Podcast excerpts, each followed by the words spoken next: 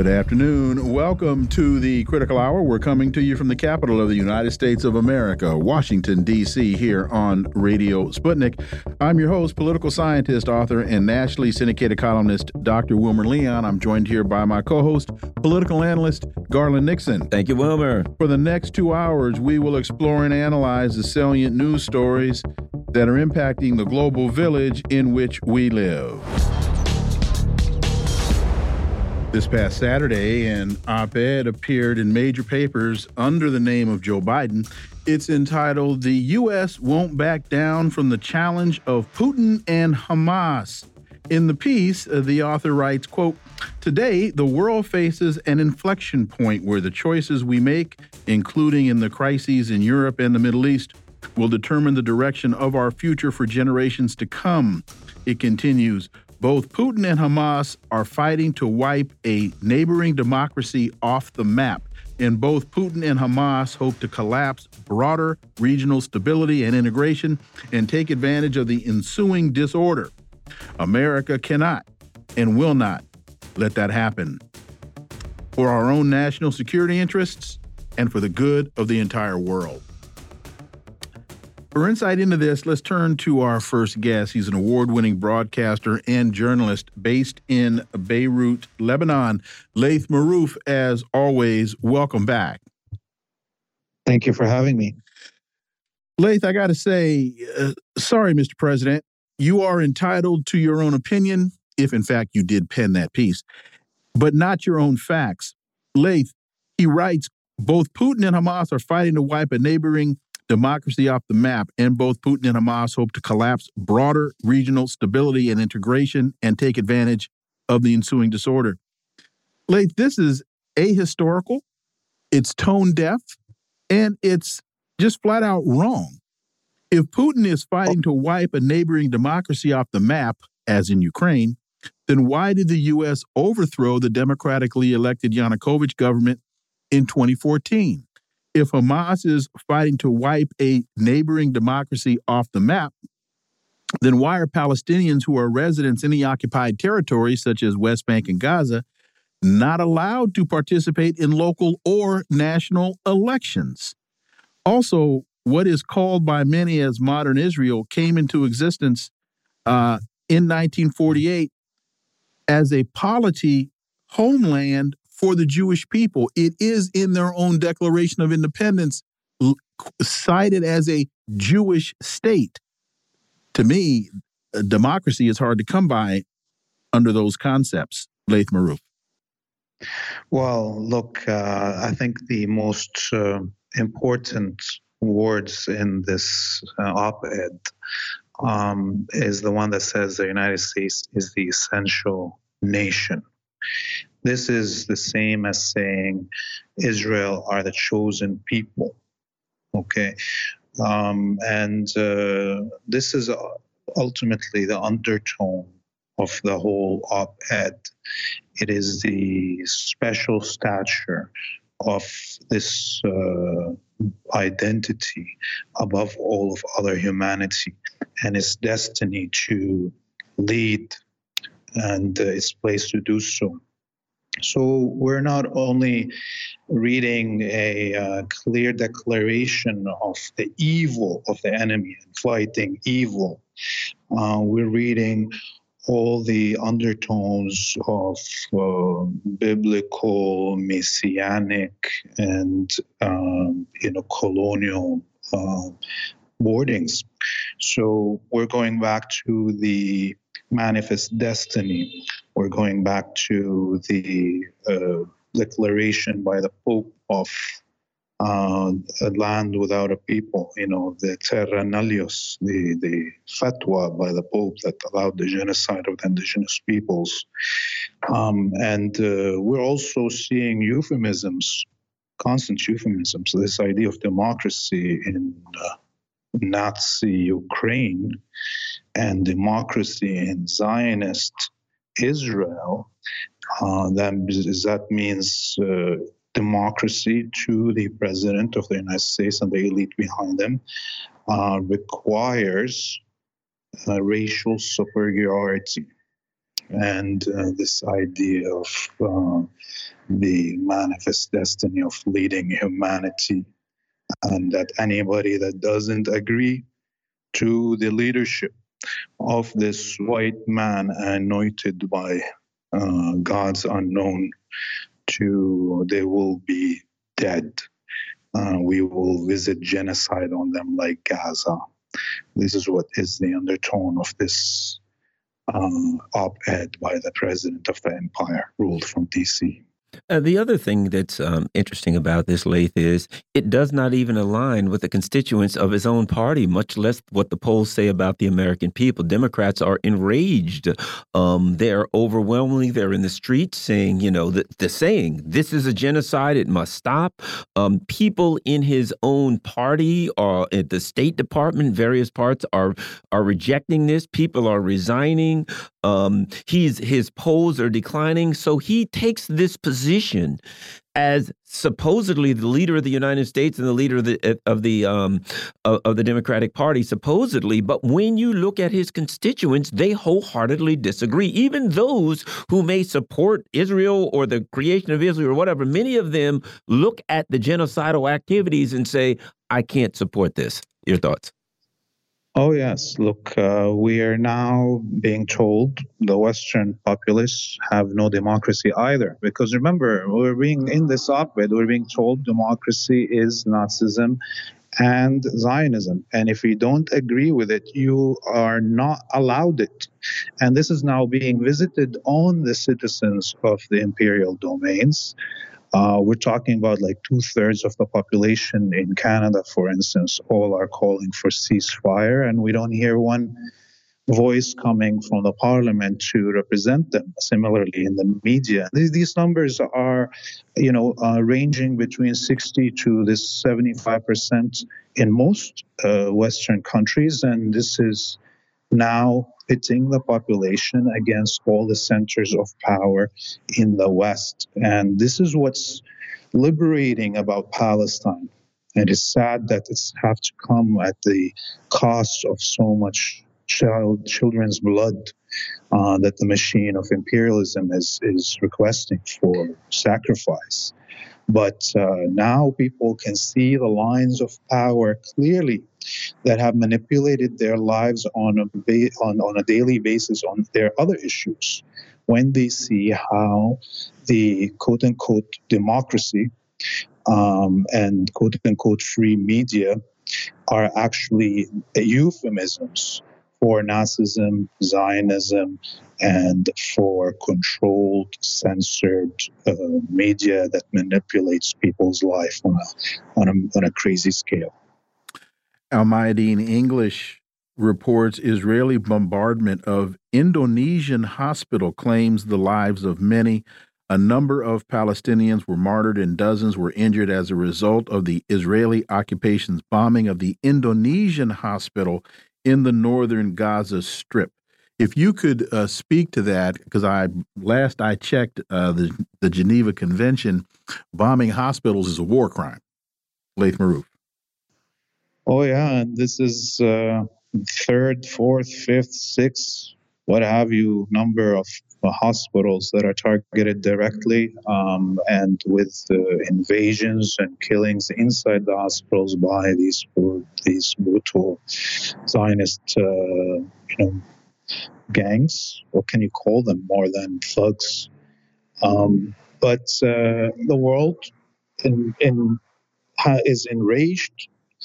Um, but the West backs this and is continuing to back it. There's daily flights from the British bases uh, in and NATO bases in Cyprus into the Zionist colony, feeding all the weapons and feeding all the intelligence, the work on the field. There's been many Western troops spotted on the on the on the battlefield. We don't know what's their losses yet, and so this is on the West.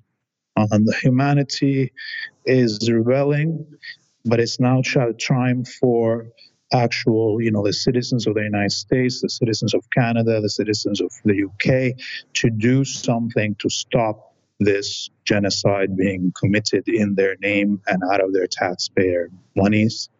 Uh, they need to stop the uh, shipments of weapons and the transport of them and the building of them. Citizens need to actually uh, make sure their countries are responding to their democratic will.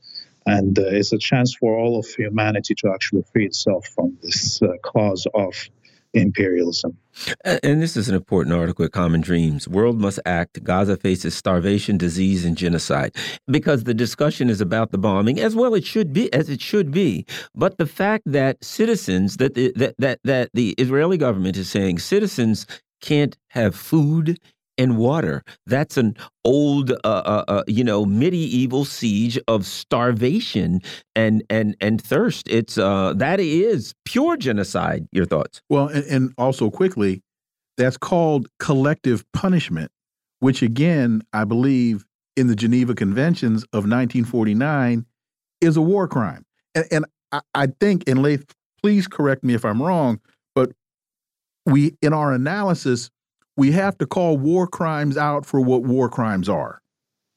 Yes, yes, and uh, you know already many Western leaders have been served by international lawyers uh, for complicity, for aiding and abetting uh, the commission of war crimes and crimes against humanity, of apartheid and genocide, um, and that that includes the Prime Minister of Canada. So you know, uh, it's clear that uh, international law protects the Palestinian people, protects their right to resist their occupier, and in fact denies the right to defense by the occupier under international law.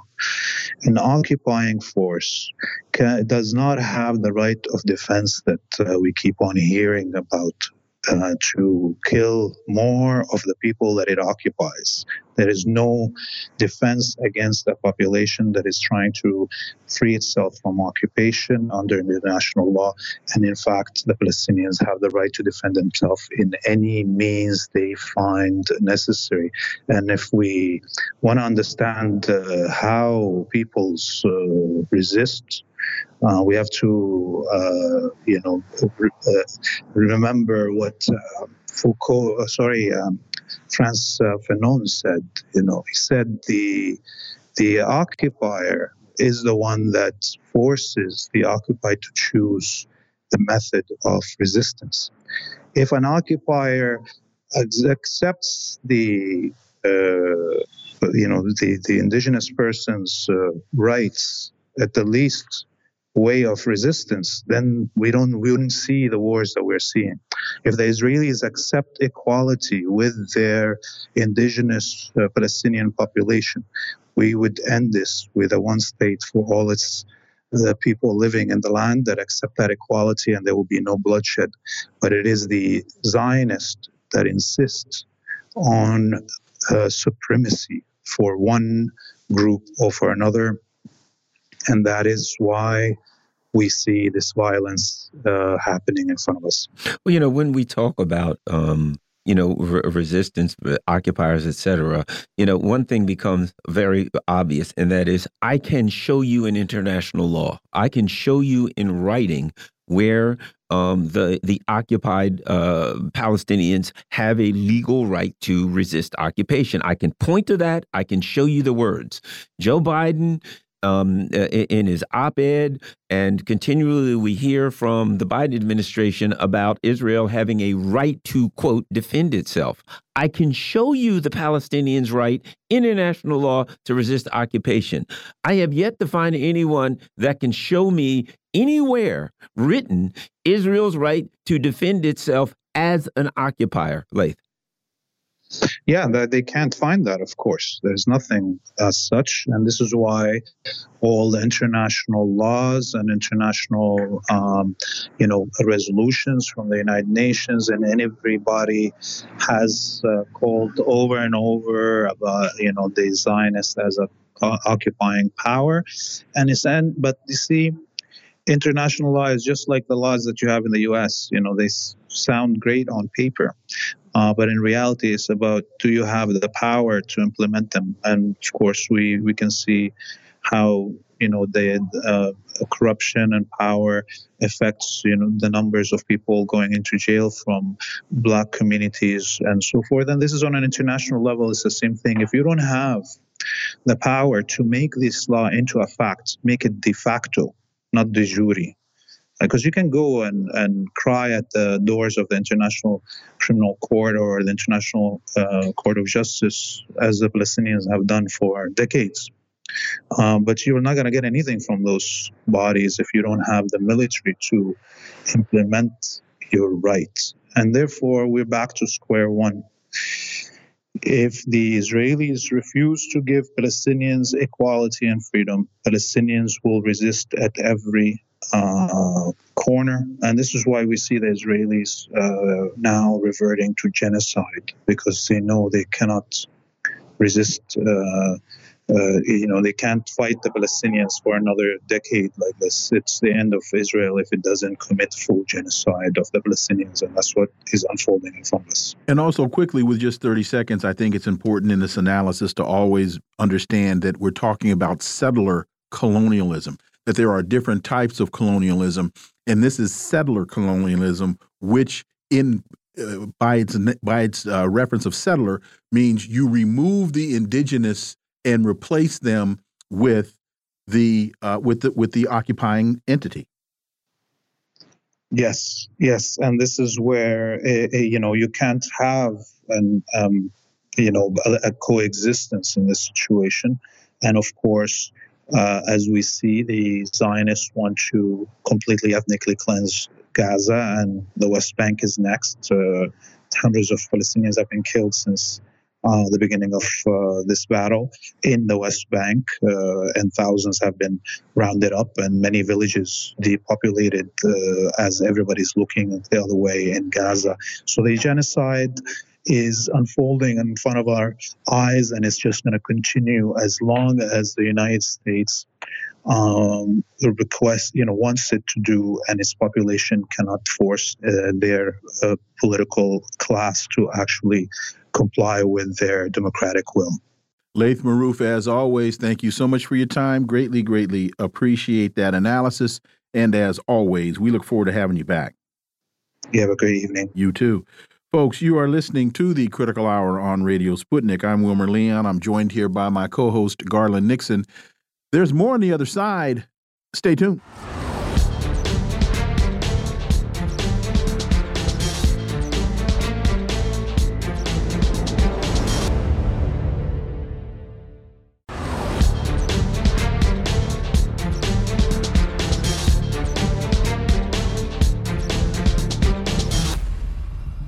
We are back, and you're listening to the Critical Hour on Radio Sputnik. I'm Wilmer Leon, joined here by my co host, Garland Nixon. Thank you, Wilmer. RT is reporting an NBC story. Time is running short for U.S. military aid to Ukraine. A bill bundling the spending with assistance to Israel and border security must pass this year or not at all, sources on Capitol Hill have indicated. For insight into this, let's turn to our next guest. He's an American citizen living in Crimea, Regis Tremblay. As always, Regis, welcome back. Thank you. Always good to be with you.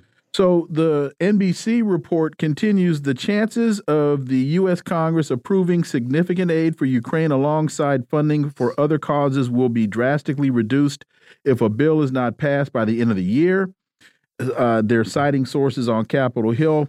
A clash on supplemental spending is expected after the Thanksgiving recess. And we know, uh, Regis, that the uh, Ukrainian uh, president sent his uh, second in command here last week to to lobby Congress. That did not seem to move the needle to move the needle an awful lot. Uh, Joe Biden, on the one hand, seems to be continuing to beg, but there is now stiffer resistance, and that stiffer resistance is growing. And how is this, if at all, being reported uh, over there, Regis Tremblay? Well, um, it is sending seismic shock waves uh, through Zelensky and his his cohorts in Ukraine. They're terrified. Um, people on this side, and and I'm talking about the mainstream media here and bloggers. Uh, the, the the signs have been clear for several weeks now that support is waning not only coming from the United States, but across the EU. It's not only the dollars that they can't come up with, it's the weapons that they can't come up with. They can't manufacture them fast enough. Russia, on the other hand, is manufacturing 24 7 millions of rounds a month. And they, they are winning on the battlefield. There is no doubt about that talk has been about a palace revolt in Kiev. Uh, there's a rift between Zelensky and his major, Kalushki, I think is his name. Uh, between the rift is about what is really going on in the battlefield. The Time magazine article calling Zelensky a messianic savior, but delusional. So when you put this together, people here are realizing that it's all over for Zelensky. And I think the handwriting is very, very clear. Regardless of what Biden and and uh, and the others in his uh, administration, from uh, Blinken to to uh, Lloyd Austin, who's right now in Kiev, assuring Zelensky and his people that uh, the United States will continue to back them. But they know in Kiev that the well is almost dry. You know, um, Joe Biden wrote an op-ed today. I'm sure you've seen it in the Washington. I mean, here recently in the uh, Washington Post. And in his op-ed, he says the world looks to us to solve the problems of our time. You're sitting in Crimea. As this thing unfolds, there is the great danger, and one may start to argue the likelihood of Russia seeing a failed state on its border. You have Ukraine, who right now the U.S. pays for their food, salaries, um, everything, uh, pensions, you name it as the U.S. yanks the rug out from under um, Ukraine, as they inevitably always do to their, uh, uh, uh, you know, patsies and allies and vassals, you'll you're you're sitting there with you know 20 million people next door, no money, no food, no support, no nothing. Doesn't sound to me like Joe Biden's solving the problems of the world, uh, um, uh, Regis. Well. how far do we want to go back? Uh, that, that the United States and whoever is president has been solving the problems of the world. You can go back to Korea, you can go back to Vietnam, you can go to most recently under Joseph Biden, Afghanistan. You know, what a disgrace that was. And you can look at what's happened over the last 14 or 15 years in Ukraine with the United States sending people are saying now 180 billion dollars or more to Ukraine, and as you mentioned, it is a failed state, Russia knows this. Russia knows exactly what's going on, and now when you look at what the United States is not doing between Israel and Gaza, Hamas, they're doing nothing. They are, in fact, backing Israel to complete ethnic cleansing, a genocide of the Palestinian people. And the reasons for that are, are many, but when you say the U.S. is the essential nation and its allies are the only ones that can stand up to aggressors and solve problems, it's a joke. And the rest of the world, the rest of the world, and I mean China, I mean India, I mean the BRICS nations, I mean South America, I mean Africa, they all know the truth and see it clearly that America, as Martin Luther King famously said in that speech, my country is the greatest purveyor of violence in the world. Sputnik International reports draft dodgers say Ukraine unable to take on Russia slam counteroffensive as senseless, senseless killing. Ukraine's military is facing a shortage of manpower to send to the meat grinder, namely the much touted counteroffensive, which has now been proven to be a colossal failure.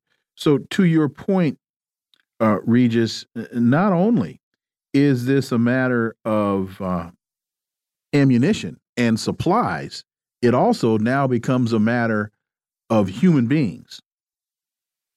Well, I just read something this evening, uh, and I forget where it was. I don't know if it was RT or Sputnik, somewhere over here, that the United States was now demanding full mobilization in Ukraine, telling Zelensky he now had to draft people ages 17 to 70, and that includes women. This you don't have to listen to, to, to draft dodgers. You listen to anybody, the mercenaries that were there, they were on the front. They said it's complete hell. You listen to any of the Ukrainian soldiers who have surrendered, and they are telling you that they are being massacred. They're being shot in the back if they try to leave, if they try to escape. And so the, things are going really, really terribly bad. And when you said senseless killing, 90,000 have died just since this counteroffensive. And, it, and the figure is probably greater, but when you look at how many Ukrainians have died since the beginning of the special military operation over a year ago, the estimate is well over a million. And when you talk about a failed state and you look to the future, who will be able to create the next generation of Ukrainians. I, I think that Ukraine not only is a failed state, Ukraine very shortly will cease to exist as a map. Regis, I, I, I firmly believe in the adage when, when someone tells you who they are, believe them. So when America says that they're in this until the last Ukrainian dies, the United States is in this until the last Ukrainian dies, and with the with the exception of uh, of uh, bringing in werewolves and vampires, uh, I think I think they're finished. Uh, Regis, let me ask you something. You know, you're you're on. We're live now. You're on live in Washington D.C. and our listeners don't get a chance to talk to a lot of people who are in Crimea. One of the things that was was the points that was made was that Ukraine was going to, you know, win in this offensive and retake Crimea. You tell me this, and our listeners here in Washington D.C. How do the Crimeans feel about the Kiev regime um, taking back Crimea so that you would be under that government? Uh, they laugh. They they they think it's absolutely ridiculous It'll never happen. First of all, they believe that Russia will protect them, and Russia has been protecting them. We've been bombarded with attempts from marine drones, from uh, unmanned aerial drones. I mean, there's been now dozens and dozens and dozens, and it's almost every day. And we've been protected about 99% of the time. They've not been effective. And so when some 90 plus percent of the Crimean people voted in 2014 to leave Ukraine and return to Russia, who in Crimea wants to return to Ukraine after what they've seen unfold for the last 14 years? Life here for Crimeans has improved significantly. I've seen it since 2016. It's a miracle. It's a modern day miracle about what's happened. The infrastructure, the economy, new hospitals, new roads. Uh, the, the, the shelves in the grocery stores and the markets are absolutely filled to capacity. We lack for nothing here. And so the answer is how do Crimeans feel about Zelensky and his cabal saying, we're going to take back Crimea? They find it laughable. Regis Tremblay, as always, thank you so much for your time. Greatly, greatly appreciate that analysis, and we look forward to having you back. Thank you very much. Always good to be with you. Thank you, Regis. Folks, you're listening to the Critical Hour on Radio Sputnik. I'm Wilmer Leon. I'm joined here by my co host, Garland Nixon. There's more on the other side. Stay tuned.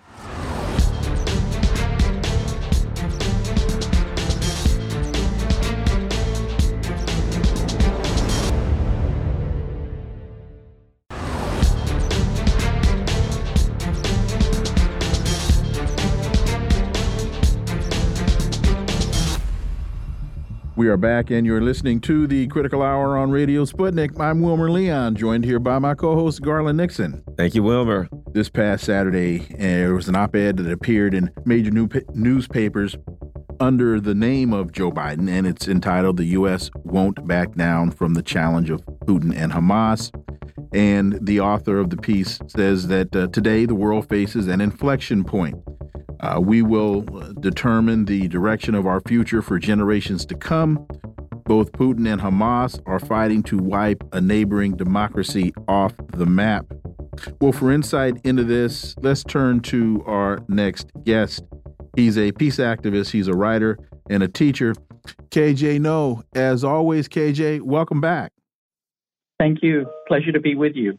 So, KJ, I, have to say, and I said this uh, to another guest sorry, Mr. President, you are entitled to your own opinion, but not your own facts.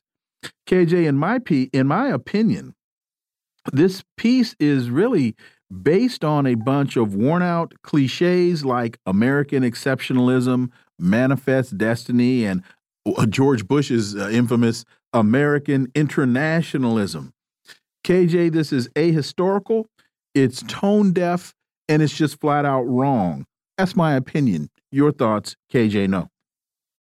Well, I agree with you absolutely. Not only is it tone deaf and ahistorical, it's just a pack of mendacities, and it's kind of extraordinary that they're trotting it out. It's you know, it's like a nice package of all the lies and propaganda you're supposed to believe that nobody believes anymore because they trust the evidence of their senses. They see what is happening. They see a genocide happening before their eyes.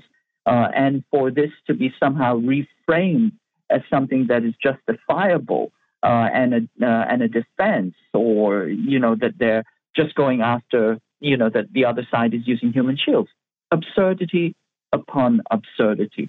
So I think by writing this, whoever wrote this for the president, clearly Joe Biden didn't write this. This is you know some uh, you know uh, you know some hacks work. Uh, I think that it really is kind of an extraordinary document, uh, essentially saying that uh, war is peace, peace is war, uh, and that you all are fools and you need to continue to be fooled by us. It's it's just an extraordinary piece, and I'm astonished that it was published. And, and you notice I did say that it it's is appeared under the name of Joe Biden. well, I'm glad you used the war is peace part because the first word I was going to say is Orwell, uh, Orwellian. Here's something interesting. Let me throw this at you from that article. Our allies in Asia are standing with us as well to support Ukraine and hold Putin accountable because they understand that stability in Europe and in the Indo Pacific are inherently connected. Stability. Now, in uh, the Russians right now in the UN are screaming at the top of their lungs, ceasefire. The, the, the Chinese, we need a ceasefire. The constituents of the Democratic Party are screaming, we need a ceasefire. Joe Biden is saying no to everyone. A ceasefire is the definition of stability. Any conflict is more stable when you have a ceasefire. Joe Biden saying we're going to bring a ceasefire to the Indo Pacific. I mean, stability, that's the interesting thing that he would have that they would have the nerve to use this term stability in connection with US imperialist foreign policy. Well, and you and don't forget the uh in Ukraine there were discussions in April of last year about a ceasefire and the United States made it very clear to Zelensky under no circumstances is that going to happen. And then, of course, the United States blew up the Nord Stream pipeline. So I don't know what allies he's talking about. Well, that brings more stability, clearly. KJ.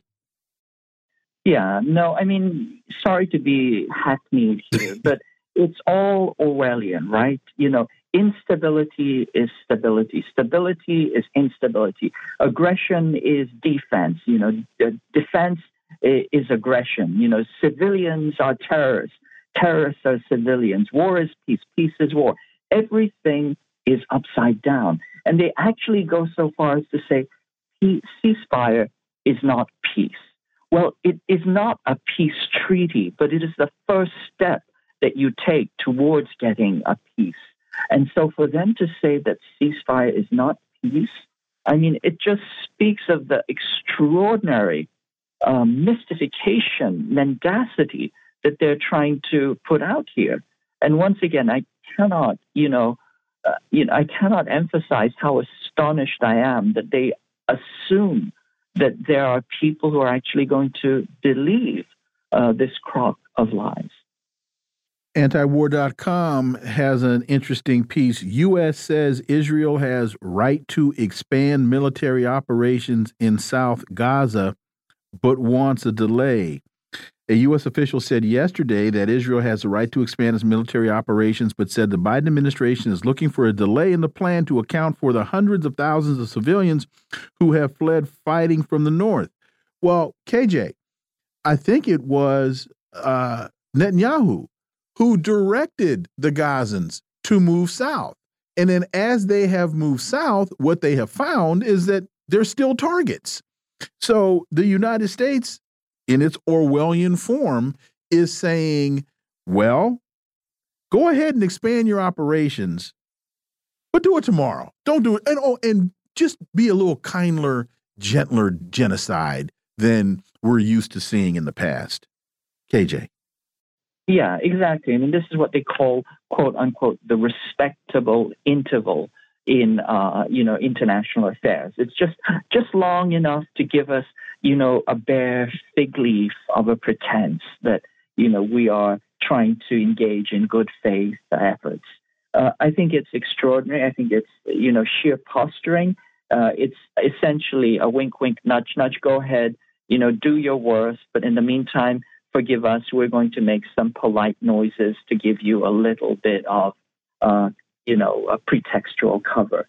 I mean, the simple fact is they said everybody moves south and then they continued to, you know, uh, carpet bomb uh, north of Gaza. And having done that, now they say they're going to go after the south. Where are people supposed to go? It's incredible. It's, uh, you know, it's extraordinary. And, you know, also, let's not forget they said that Al Shifa Hospital was the command and control center. And then they turned out they had nothing. They couldn't even, you know, stage you know, a weapon drop uh, in a convincing fashion. And so now they say it was only a node of the command and control. Well, node of command and control are a contradiction in terms.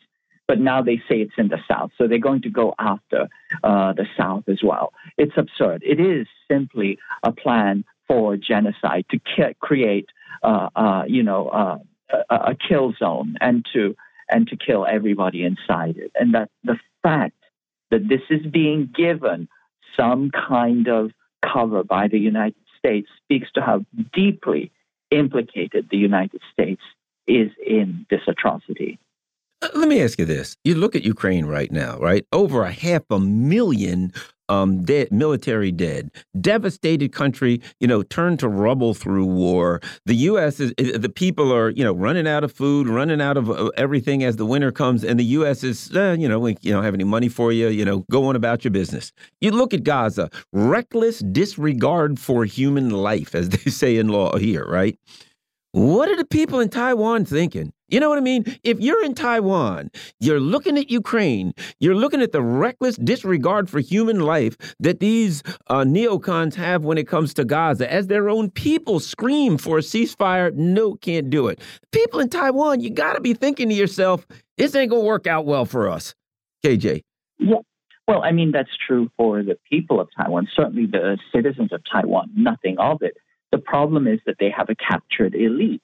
And that captured elite is very much like the captured elite uh, in the Ukraine. They essentially take their bidding from Washington and they are committed to Ukrainizing their own country and turning it into a fireball, just as they were committed to poisoning their own people by taking in uh, you know, uh, ractopamine doped uh, pork, which none of their, uh, you know, citizens wanted either.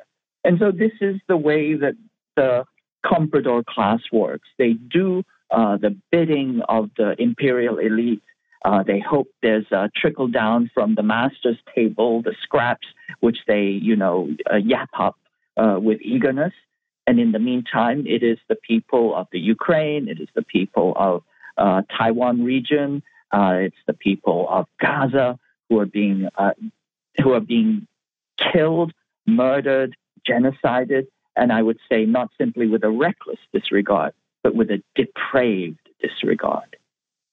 There's a piece in Asia Times Don't be fooled by Biden and Xi talks. China and the U.S. are enduring rivals, not engaged partners, and that won't change anytime soon. There were smiles for the camera, handshakes, warm words, and the unveiling of a couple of agreements. But beyond the optics of the first meeting in over a year between the leaders of the world's two biggest economies, not an awful lot had changed. Speak to this piece, uh, please, KJ. And one of the things that indicated to me that things hadn't changed was the post meeting press conference where President Biden was very clear that he sees Xi Jinping as a dictator. And that just took me back to when Tony Blinken was finally allowed to uh, to go to China, and after he had this very successful meeting with uh, with President Xi, Joe Biden came back, but right behind him and said, "Well, you know, with the with the spy balloon thing, uh, this guy was very embarrassed, and and he's a dictator." KJ, Noh.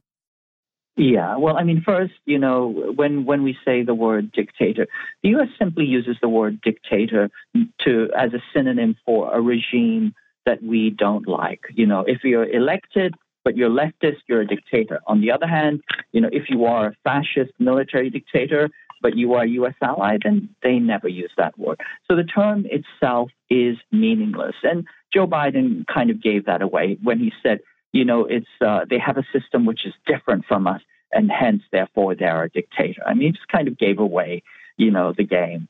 But um, you know, just kind of getting to you know the notion you know, the Chinese have uh, a multi party system, they have elections, they have a robust system of accountability of elections, of management, of feedback, uh, and they consider themselves to be a democracy. In fact, if you look at the polls, that uh, there's something called a democ- democracy perception gap.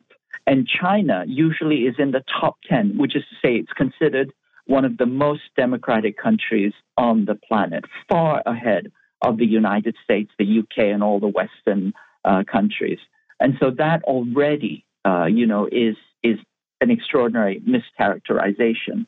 But I think it speaks, you know, to your point, is that you know there is no reset. You know, the U.S. is just playing good cop, bad cop, uh, and you know, as soon as you know the medication wears off, yeah, you know, the you know the insults uh, come back out, and I, I, think it speaks to the enduring, uh, uh, you know, kind of double-faced uh, hostility that the United States uh, still harbors, uh, and I think that anything that indicates otherwise, you know, is sub subterfuge and smoke and mirrors.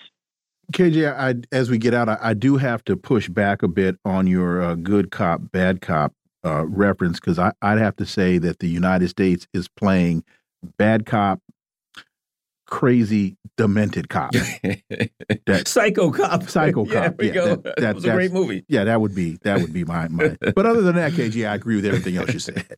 I can't disagree with you. KJ, Noh. As always, thank you so much for your time. Greatly, greatly appreciate that analysis. We look forward to having you back. Thank you. Always a pleasure. Folks, you're listening to the Critical Hour on Radio Sputnik. I'm Wilmer Leon. I'm joined here by my co host, Garland Nixon. There's more on the other side. Stay tuned.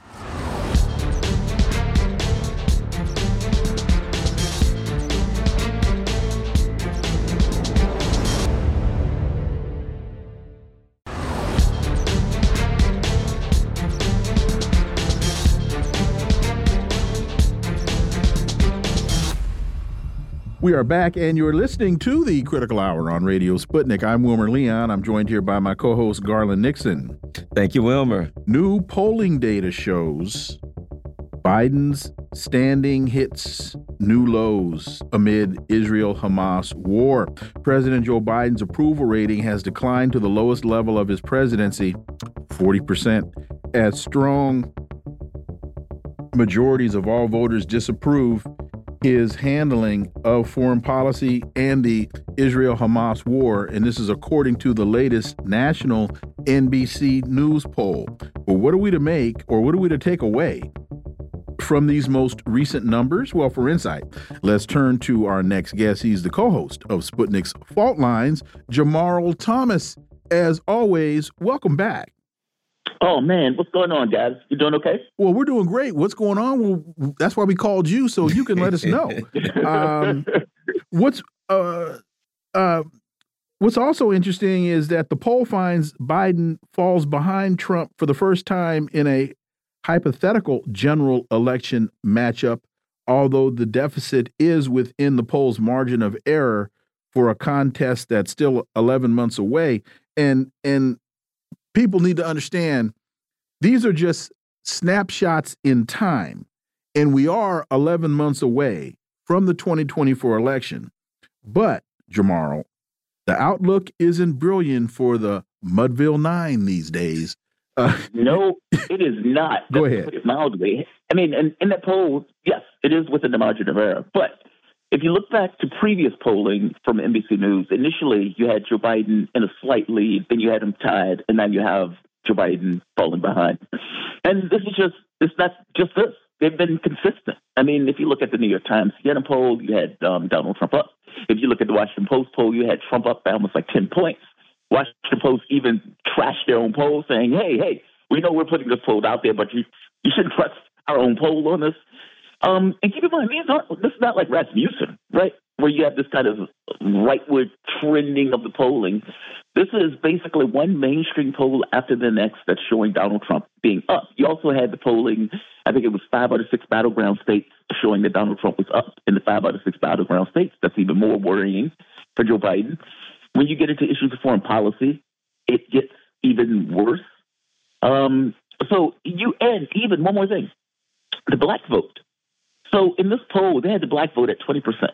With and they say, yeah, Joe Biden is winning with the black vote.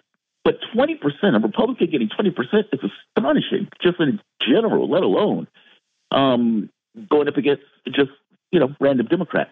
Let me, if I can uh, speak to that point, that one data point quickly, and to get your take on this, Jamarl, I would I would say that you're absolutely right.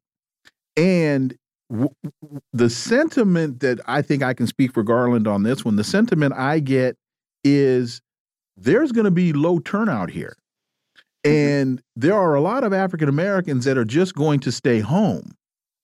So if you're if if you if you've got a big part of your constituency that's just going to stay home and another part a 20 a 20% part that's voting for the opposition you are in a world of hurt Jamarl Thomas. Yes, that is not, you know, what Joe Biden said. If you don't vote for me, you ain't black. Mm yeah, whatever. There's going to be a lot of people. Look, I've had, I remember my um, ex wife's dad, and I remember the first time him and I met, he was like, yeah, I can't find myself voting for a Republican. He was a Democratic voter. He had been one all his entire life. Fast forward to maybe three years, and he was like, I'm done. I had never seen a turnabout like that. But his thing is, they're not working in our interest. And because he couldn't see anything that was basically outstanding in their interest, he was getting sick of it. I've even met other people. I remember one of the nurses I was talking to. She says, Look, I work two jobs. I don't see how my vote is changing anything. And so she got to the point of like, yeah, I don't see the point. So for her, there was nothing that was pushing her to the point where she was gonna that was gonna drive her to go out to the polling and vote. She was gonna be one of those people who stayed home. That is a damning indictment. That's a problematic thing for Joe Biden. Then you get the youth vote, another Democratic constituency. If you remember, Sanders was getting what like seventy percent of all the people who were voting. That was the youth vote. Well, you have this situation where, for the first time, Donald Trump has jumped ahead of Joe Biden. Voters eighteen to thirty-four Trump taking it with 46% to Joe Biden's 42%. That's astonishing. That is astonishing. But what Joe Biden is really getting hurt on is his support for Israel. Basically, Joe Biden coming out basically saying, yeah, it's Netanyahu murders all of these kids. I will be right here with Netanyahu for doing so. If I'm not mistaken, Joe Biden lost like 10 points that very month that this took place. This is not looking good for him. And they keep making this argument that, yeah, the best thing about this polling is that Joe Biden has a year to make a difference. Okay, well, I don't think you're going to get the Muslim vote, for one.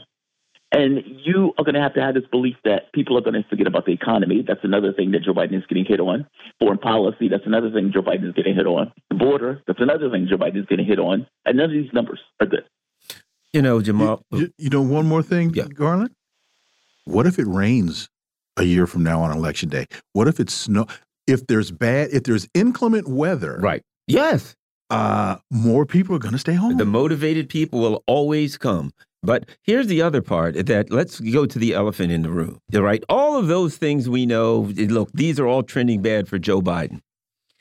I've been watching videos of this guy lately, uh, uh Jamarl. I, I, don't know what to say. Oh, I watched this video and he he just was kind of staring blankly, sitting in at this uh, event. His eyes started closing, his mouth was open. He didn't drool, but he wasn't far from it. Right? We're talking a year out. He doesn't seem to know where he is. He's wandering around the stage like he needs a a, a service dog half the time after his uh, speeches. I mean, a year from now, is he really going to be able to debate Donald Trump or anyone? Let's be honest. He's done. He's had it. Um, and, and, don't forget, he he confused uh, Taylor Swift, Beyonce, and uh, what's the what's the other girl's name? Britney Spears. Uh, today, when he or when he was pardoning the turkeys, and that in and what? of itself we could laugh off. But Jamarl, what that showed me is when the guy goes off script, oh. he's done a la is President Xi a, a, a, a dictator? Oh, yeah, he is. Sure. Jamarl. Right, right. Jamarl, tell us oh, about man, the rules based order. oh, man. Um, Blinken's face when he said that was like, oh, it was priceless. Blinken was like, what the hell? You could see it on his face. He couldn't even hold it. Um, and Garland, they did have a support dog, but Commander kept going rogue and biting people. yeah. dog, if you remember. Um, look, I, I, saw that video that you're talking about. Yeah. Video. I I thought initially I was like, okay, this can't be real. I was like, did somebody digitize Joe Biden losing his mind um, in this picture? No, to make it worse, you know, they were doing articles. There was an article out, I believe it was the Wall Street Journal or Politico, I forget which one. And they were basically talking about how there's a problem with Joe Biden's age that he doesn't want to deal with.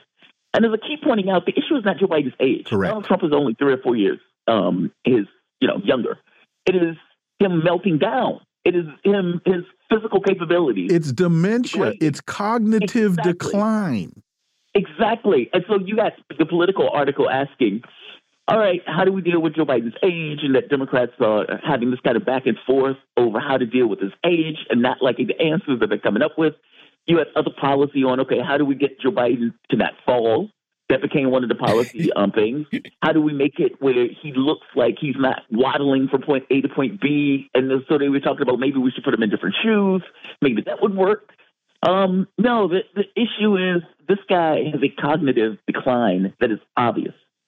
And they can use the term, okay, Joe Biden's age, but the age is really just an allegory for this guy is degrading mentally and this is not working out that well. And when you're looking at foreign policy choices and everything else, of course, people are going to think to themselves, is it possible that the reason why Joe Biden is failing so miserably on these policy issues is because he's not altogether there mentally?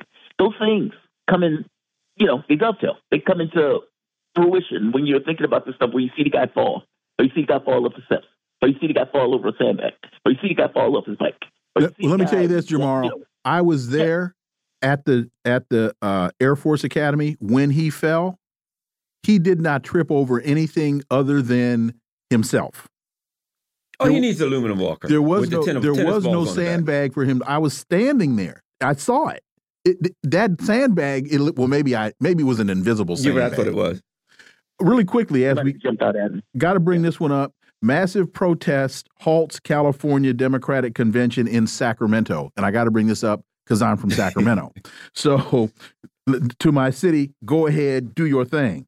Uh, but this yeah. is just an indication of more protests across this country and around the world.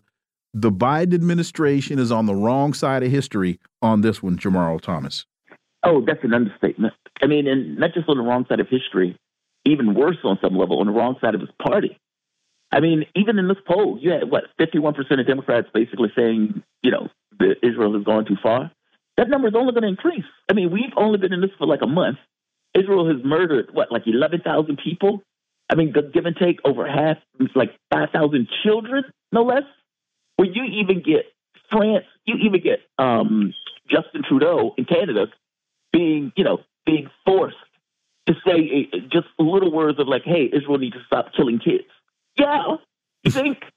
and so you get a political party that is, at the very least, especially when you're looking at the younger voting demographic, completely against what he's doing. And Joe Biden comes out, gives Netanyahu a blank check. And after he gives him this blank check, the public freaks out, specifically his party. And so now you have to walk this back. And so now you have to say, hey, we're pushing for a humanitarian pause. Yeah, that's not enough.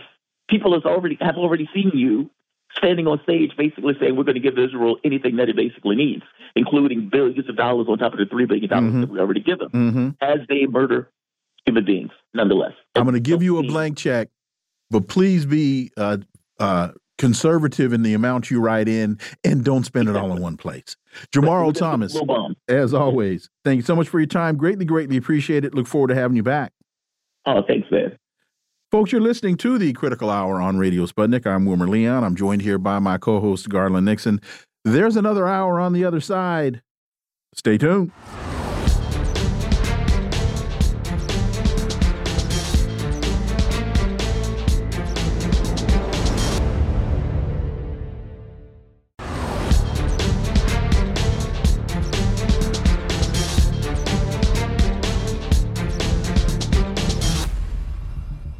We are back, and you're listening to the Critical Hour on Radio Sputnik. I'm Wilmer Leon, joined here by my co host, Garland Nixon. Thank you, Wilmer. People's Dispatch reports international tribunal finds U.S. blockade of Cuba in violation of international law. The International Tribunal against the blockade of Cuba took place in the Belgian capital on November 16th and 17th and heard from dozens of witnesses from European and Cuban civil society. For insight into this, let's turn to our next guest. He's a U.S. labor and human rights lawyer, writer, and activist. He's been a peace activist throughout his life and has been deeply involved in the movement for peace and social justice in Colombia, Venezuela, Nicaragua, and other countries in the global south. He's taught international human rights at the University of Pittsburgh School of Law since 2012. Professor Dan Kovalik as always, Dan, welcome back. Thanks for having me. So, the tribunal was held in the European Parliament in Brussels. It was organized by the Cuban Institute of Friendship with the Peoples and the Left, a parliamentary group in the European Parliament. It sought to discuss the human impact of the economic, commercial, and financial blockade imposed on Cuba by the U.S. for the last 60 years. It focused on how the blockade violates international law and also the human rights of both the Cuban and European people, the intensification of the blockade through the designation of Cuba as a state sponsor of terrorism by the U.S. was also a key element. Your thoughts on uh, all of this, Dan Kovalik? And one of the things that I found interesting in reading this piece and doing some other uh, reading about this event uh, was they talked about international law they did not talk about how this all fits into to the Secretary of State's uh, issues of what, what's he call it? I can't even remember what what what uh, the rules based the rules based order. How how how this uh, fits into the rules based order, Professor Dan Kovalik. Yes. Well, first of all, I think it's very exciting this this is taking taken place people need to remember Cuba's been under a blockade by the United States now for over 60 years. I don't think there's been another country under U.S. blockade for that long. Uh, maybe, maybe with the possible exception of North Korea. And the reason that the U.S. blockade violates international law, well, it violates it on a number of, uh, of levels. First of all, because the U.S. blockade has extraterritorial reach, that is to say, that it requires other countries to abide by it. Um, that violates, uh, you know, the rules of the UN Charter that say only the Security Council can approve those types of sanctions, and, and they have not done so in this case. But more importantly, the sanctions violate international humanitarian law because the target of them really uh, is civilians. Civilians are the ones who suffer from the blockade in terms of the denial of food and medicine. Um, and that's what makes these illegal and and it's really uh, impacted the standard of living for people in cuba again for 60 years you know, I, I got to bring this up. Uh, we've been covering the, Joe Biden's op-ed and uh, that he had in the Washington Post, and he said, "The United States is the essential nation. We rally allies and partners to stand up to aggressors and make progress towards a brighter, more peaceful future. The world looks to us to solve the problems of our times. What are your what is your thought thoughts on that, Dan, in, in, relative to the context of Cuba? And also understand that this is live radio, so you must uh, yeah. watch our language. Language, yes.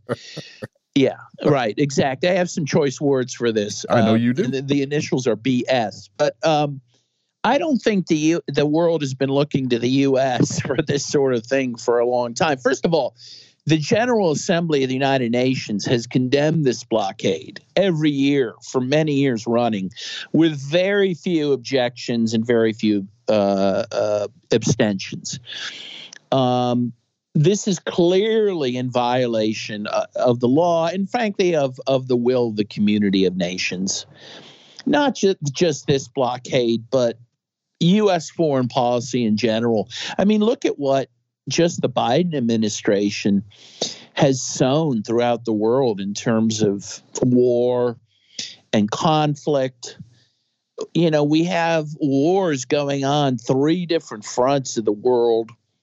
No indication that the U.S. is interested in making peace in these places. Um, so yeah, I I think this op-ed is just silly. I, I, again, maybe there's some audience in the U.S. that will accept it, but I don't think many people outside the U.S. would take it very seriously. You know, he also says, uh, and I, I like to get your take on this. We we make reference to this all the time, but you, uh, being uh, an expert in international law, he says, We stand firmly with the Israeli people as they defend themselves against the murderous nihilism of Hamas. As I understand it, uh, this the, the, often used phrase that uh, Israel has a right to defend itself as the occupying force, as I understand international law, they don't. And that as the occupied, the Palestinians do and, and can use any means at their disposal to defend themselves. Can you provide some insight uh, in, into that, Dan Kovalik? Yeah, yeah, there's a few things to unpack there. Yeah, Israel does not have a right of self defense against the Palestinian people, as you say, because they are occupying the Palestinian people. So the Palestinian people have the they have the right of self-defense and they have the right to resist the occupation by force. Now, with that said, there are obviously rules of war that that that you know Always, um, always apply. Yeah, apply to their actions as well. But if you break it down, actually, first of all, if you look at the actions that we know now know of that happened on October 7th, and this I'm relying on Mossi, the Israeli newspaper Haaretz, who did who's done some very good in-depth uh, articles on it. Hamas, actually, the, the, the majority of people they killed on October 7th were military. Mm-hmm. And it appears that the Israeli forces killed a lot of their own civilians on October 7th. Mean, meanwhile, I think it's the last figure I saw was something like 92% of the people the Israelis have killed in Gaza are civilian. and almost half of them children. And of course, they're destroying hospitals and mosques and churches and UN shelters. They've killed, again, at last count, 88 UN staff people. They've killed 60 journalists. These numbers, we've never seen those types of numbers in any conflict in recent years. I mean, this is outrageous. So when you talk about nihilism, I think that word applies much more to the Israeli forces than it does to the Palestinian forces. That takes me to Al Mayadeen. U.S. U.S. blocks Russian bid to a mid-draft UNSC resolution for Gaza truce. You know, we've been hearing um, uh, uh, Putin's a brutal dictator.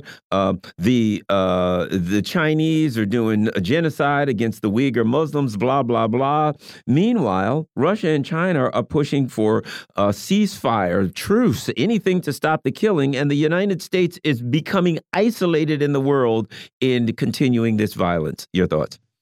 Well, absolutely. And I mean, the other thing to consider is that in the Ukraine conflict, the Russia's military special military operations began in February 2022. So we're, we're almost nearing two years into that conflict.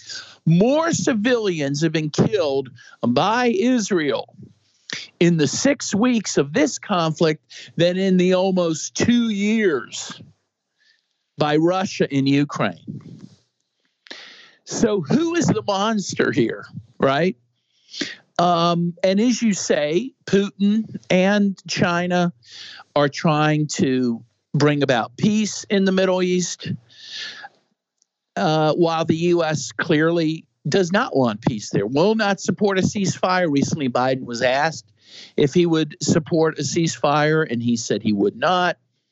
Um, is you know as one commentator said you know every accusation is a confession right? Everything we say about the other side really applies to ourselves.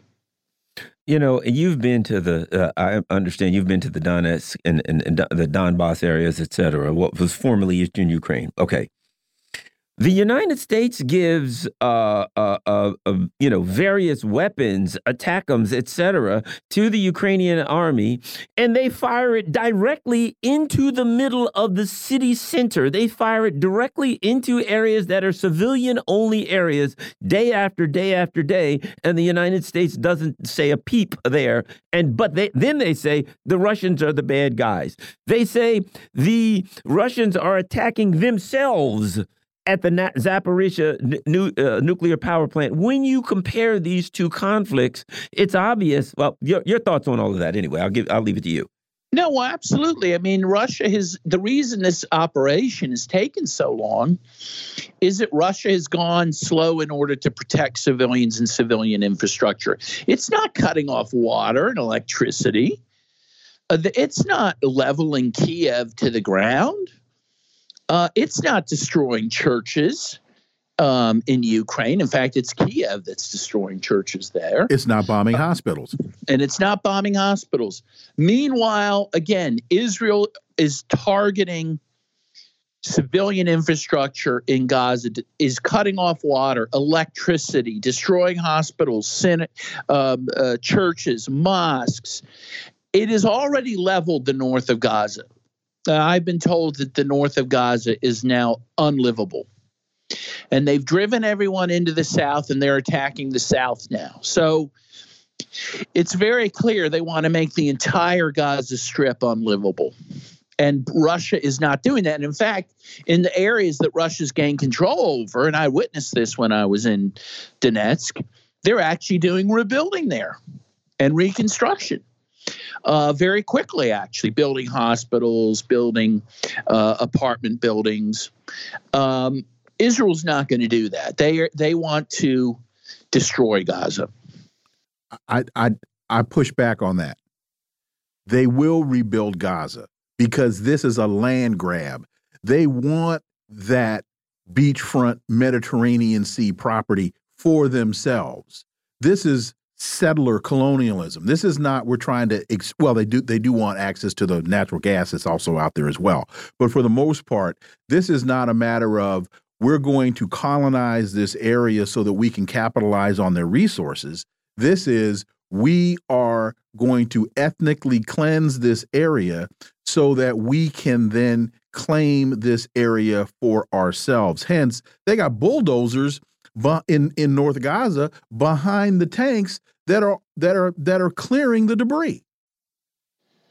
Well, I mean, I think that's a good point. I mean, but to the extent they do any reconstruction, it's going to be for oh, themselves. Oh, that that that is my point. And in fact, in fact, I, I saw last week on on I think it was MSNBC, they were interviewing a member of the Knesset who was saying that they they are now trying to get other countries in the region to accept the Palestinian refugees. This is ethnic cleansing. This is genocide. They want they they're angry. Israel is angry at these other countries for not taking more Palestinian refugees because once those folks leave the area, they're not coming back, as in the right of return. Well, exactly. I mean, in particular, and there was a leaked document showing what their plan is, and what they want to do is push the people of Gaza, all 2.3 million of them, into the Sinai Desert in Correct. Egypt. Correct. By by the way, I just returned from Egypt. There, I was arrested in front of the U.S. embassy protesting all this. Um, that's probably something for another day. But in any case, didn't you just get goal. thrown out of Peyton pins as well? yes. Come on, man. Get, you can't go anywhere. Go ahead. I know you, you, can't. That's why I can't have nice things, uh, Wilmer. we can't take you anywhere, Dan Kovalik, but we love to have you every time you're on. Professor Dan Kovalik, as always, just don't go anywhere with him. Uh, we greatly appreciate it. We look forward to having you back. Thank you very much. Folks, you're listening to the Critical Hour on Radio Sputnik. I'm Wilmer Leon. I'm joined here by my co host, Garland Nixon. There's more on the other side. Stay tuned.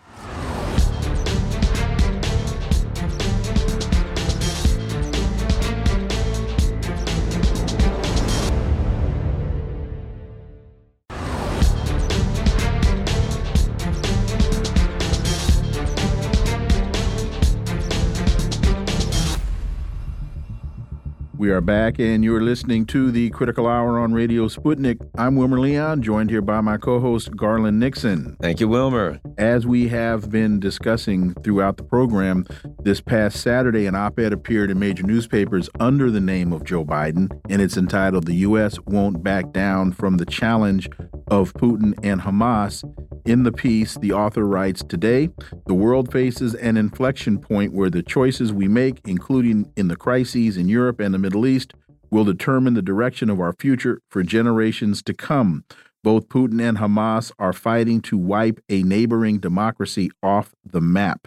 For insight into this, let's turn to our next guest. He's an independent investigative journalist and author of three books The Frozen Republic, The Velvet Coup, and America's Undeclared War. Daniel Lazare. As always, Dan, welcome back.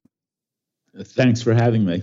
And I have to say, uh, Dan, that um, to Joe Biden, sorry, Mr. President, you're entitled to your own opinion, but not your own facts. There is just a uh, I'm gonna I'm gonna use a French word here, garbage in this uh, in this piece, Dan. It's it's just it's it's it would be laughable if it weren't pathetic. I agree. Actually, I, I, I, actually the word I'd use is like mildly insane. Um, okay. and, I think the, the the problem is he keeps repeating the same old formulas, even though the situation has totally changed. I mean, uh, you know, Putin equals Hamas, Hamas equals Putin. These are very simple-minded concepts, but he doesn't seem to understand how this kind of logic has led to a to a vast explosion, which is um, which essentially is undermining uh, U.S. influence uh, throughout the world because it shows that U.S. policy is so completely off kilter. I mean, Putin and Hamas are very different people. Uh, one is a person who is who is uh, fighting to maintain to protect what he regards as, as a sphere of influence. Another is a Muslim fundamentalist group uh, fighting against uh, against Zionism for a variety of reasons, some good and some bad. Um, but they're just very different. And to see them as the same and to see them as requiring the same remedy, which is the application of brute force, naked force, just sounds unhinged. Uh, and I think it's why Americans really are losing confidence in Biden and why they think his foreign policy is uh, is um, is so scary these days. What I find is the Orwellian speak. You know, they're talking about not allowing those who do not share their values to, quote, drag the world to a more dangerous place. They talk about that they're acting for our own national security interest and for the good of the entire world. The United States is the essential nation. The world looks to solve the problems of our time. They can't solve their own problems. They're own constituents in the Democratic Party overwhelmingly want a ceasefire. The numbers say most people want a ceasefire. People are dying. Work the rest out later, right? The world and the, the, the United Nations is saying, let's do a ceasefire. Here they're saying, we're bringing stability, we're the world the better place, etc. in this Orwellian way. And, and their own party is burning to the ground, even politically at home as they do this, Dan. Well, and let me add one more thing to that a lot of the areas of conflict that Joe Biden is trying to rally the world behind in support of are conflicts that the United States has either started or has backed wholeheartedly and is doing absolutely nothing to resolve them in any type of equitable manner. And a la the United States blows up the Nord Stream 2 pipeline. So that brings stability, Wilmer. Well, I, yeah, and then it brings stability in an unstable manner. Right, there we go. go ahead, Dan Lazare. No, no, I, I, think you're. I think you're absolutely right. I mean, I mean, yes, the U.S. The U.S. Uh, played the, the the dominant role in the destruction of the Ukraine. Now, if you if you say that, you know, in you know the Council of Foreign Relations, they'll laugh you off the stage, but it's true. Uh, you know, the, the, the the coup in 2014, which was the which the U.S. U.S. backed and fomented in many ways organized, essentially led to parallel uh, um, ins- uh, insurrections in Kiev and also in the eastern part of the country among Russian speakers who were horrified by the nationalist policies that the that the coup was uh, was in, was in support of. So, so that the coup itself, which the U.S. organized, tore that country in two. Um, in the case of of Israel and, and Palestine, the U.S. has looked the other way, made excuses, continued to aid Israel, even as the most outrageous, you know, semi-fascist, you know, pogroms, uh, land clearances, uh, other acts of violence erupted throughout the occupied territories. The U.S. looked the other way. They didn't care. They didn't care even when U.S. citizens were killed by these uh, by these Jewish fundamentalists. Uh, and so, so, so the U.S., you know, by covering up for Israel, by showering it with military aid, by elevating it into a into a a, a, a top level ally in the Middle East, the U.S. essentially put its seal of approval on these incredibly, you know, racist, uh, ultra right policies. And that is what has now erupted. So, yeah, you're right. The U.S. essentially had a hand in creating both conflicts, which it now blames on others. And following along the same idea, Responsible Statecraft has a piece in our lurch toward war in three places who exactly will fight. As we face simultaneous crises, Washington remains completely disconnected from what Americans want. And I just want to throw one more conflict into the conversation that the United States continues to try to foment, and that is Haiti.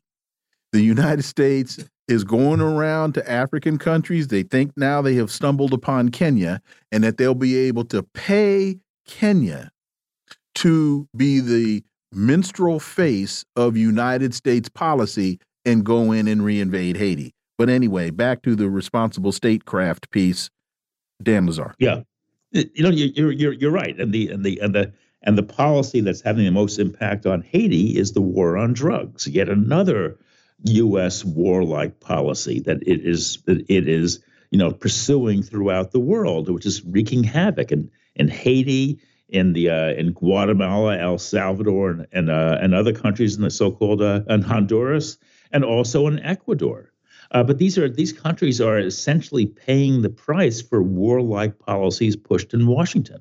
So with regard to Haiti, the U.S. is doing the same thing. It's instead it claims to be speaking up in favor of, of stability, but it's actually engaging in a program of radical destabilization, uh, and and it's it's just leading to absolute havoc. But yet again, the U.S. blames it on others. It blames it on Putin. It blames it on Hamas, and absolves itself of any responsibility. And you know, when I first saw this article, I read it and I read it, and the and the the writer's saying, you know, well, we don't have a um, you you know, we don't have a draft, and if we're going to do this, we have start uh, need to have a draft. And he nuances a little bit, you know, kind of getting to the point that a lot of young people, if you go to draft them, aren't going to be thrilled about fighting for U.S. imperialism. But in the end, he gets back to, and if we're not going to have a draft, then we need to rethink our foreign policies, which, you know, right now, a draft would tear this country to pieces. But the bottom line is this uh, I, I, I, like the way they talk about the about the leaders of our country pretending like they could just go into a war, maybe bomb Iran, whoever, for a couple of days, fly some sorties over somebody, throw in some missiles, then it'd be all over, not taking into account how these things could metastasize. Dan. Uh, uh, yes, a draft would be explosive, uh, and I and then for that reason, you know, I kind of almost half wish they would do it, uh, because if they did, uh, the American people would would rise and revolt against all these military adventures that they are pushing around the world. I mean, Americans would be horrified, appalled, furious if their sons and daughters were sent to fight in Ukraine, and the same thing goes for Gaza or Iran or, or Syria or Lebanon. Americans will not tolerate this. Um, uh, but you know, but these these adventures are multiplying. They're growing more and more dangerous. And Biden somehow thinks that if he just keeps doing the same thing, everything will work out in the end. Well, and when you look at the most recent NBC poll numbers that show uh, Biden down to 40%, and early on, you know, months ago, he was a few points ahead. Then it was within the margin. Then then it was then it was even. Then it was Trump's ahead, but within the margin of error. Uh, he seems to be, as they would say on the corner, hustling backwards. Uh, as they would say in statistics class, trending in the wrong direction. Dan Lazare. Yes, I think that's correct. I think that Americans are losing. They they they don't they don't believe that they, they don't believe that these these Biden-esque formulas are working. You know, where you demonize your enemies and you and you send in uh, troops and you send in explosives and you do all the rest. Um, they're beginning to realize that that that that that destabilization leads to more destabilization, uh, and that will eventually hurt Americans at home.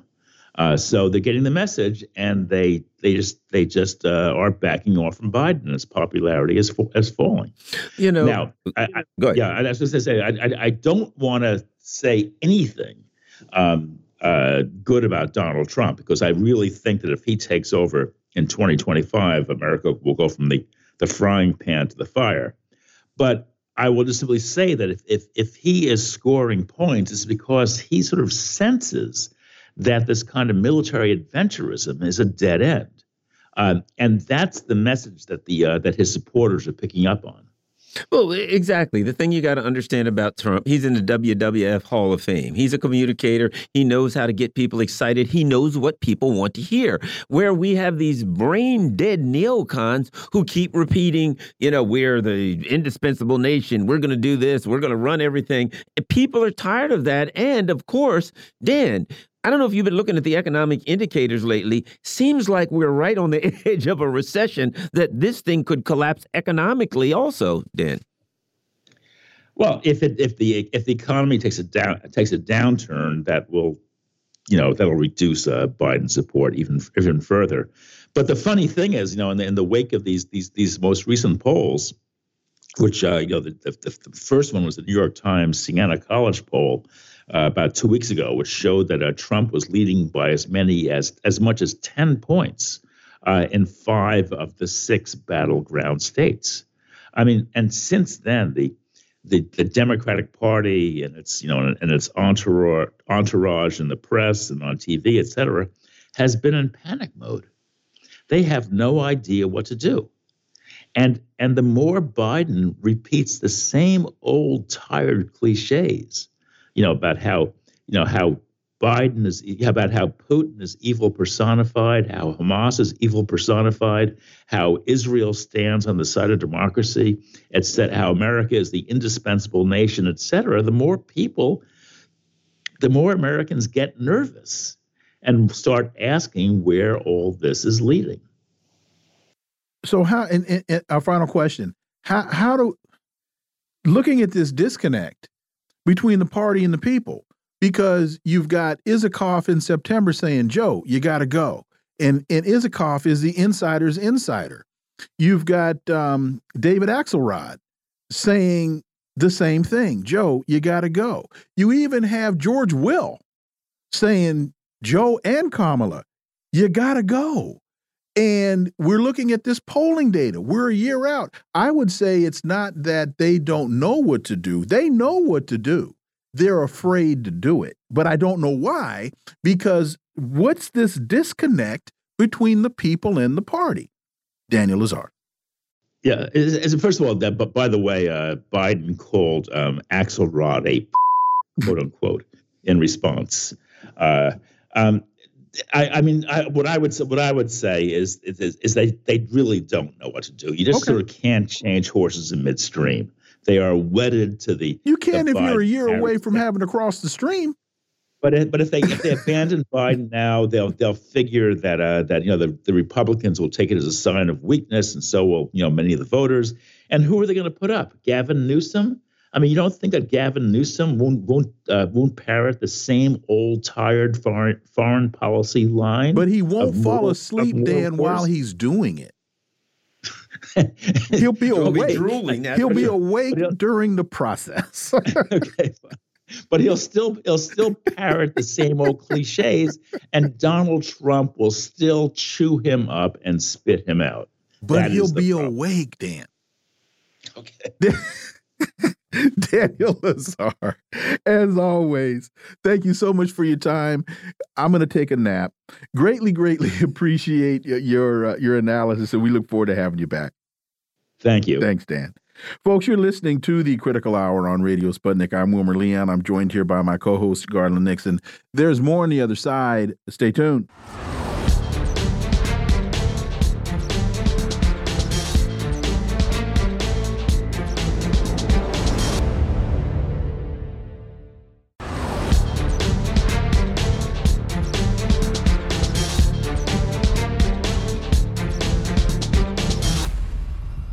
We are back, and you're listening to the Critical Hour on Radio Sputnik. I'm Wilmer Leon, joined here by my co host, Garland Nixon. Thank you, Wilmer. Orinoco Tribune reports libertarian climate denier Javier Milei elected president of Argentina. The right wing candidate of the Libertarian Party, Javier Milei, has uh, was elected president of Argentina yesterday, defeating the candidate of the ruling Peronist Party, Union for the Homeland, Sergio Massa. What does this mean for Argentina going forward? And what does it mean and say about the region? For insight, let's turn to our next guest. He's a former Assistant Secretary of Education and Public Service at the Smithsonian Institution and board member at the Institute for Policy Studies in Washington, D.C., James Counts Early. As always, welcome back. It's good to be back although it's not good news to come back on regarding Argentina, it's good to be back. Well, let's get to that. So, after 99.3% of the ballots counted, Milei obtained 50, almost 56% of the valid votes, uh, about 14 million five, compared to 11 million five obtained by uh, Massa for, with 44%. Um, your thoughts. Why do you say, James Counts Early, that this is not a good day in Argentina? Well, we have now an elected, uh, self avowed uh, right wing authoritarian uh, who uh, aligns openly with Donald Trump. Donald Trump was one of the very first to come out and congratulate him to quote unquote make Argentina great again. Uh, Bolsonaro, the racist, misogynist, homophobic uh, former president uh, of Brazil, also came out in support. I can only imagine that Steve Bannon of the U.S., who is the main strategist for the international authoritarian fascist movement, is applauding. Uh, because while he is called a libertarian, it's important to deconstruct that term. Uh, really, and, and uh, they are against uh, the role of state government uh, in assisting the needs of the masses of the population. So this is the same playbook as Donald Trump, the deconstruction uh, of the state and the uplift of private enterprise as the defining factor in the quality of life for all. That is not good news uh, for the majority of the Argentinian population, which is already suffering uh, with high levels of unemployment, high inflation, uh, the center left uh, government uh, that Sergio Massa was seeking uh, to continue. Uh, so it is not good news inside Argentina, nor is it good news in the region with the community of Latin American and Caribbean nations making further consolidation on mutual beneficial regional policies in the context of peace. Uh, here is um, is openly anti-socialist, uh, openly uh, anti the, the Pope, who he calls a socialist and communist affiliated entity.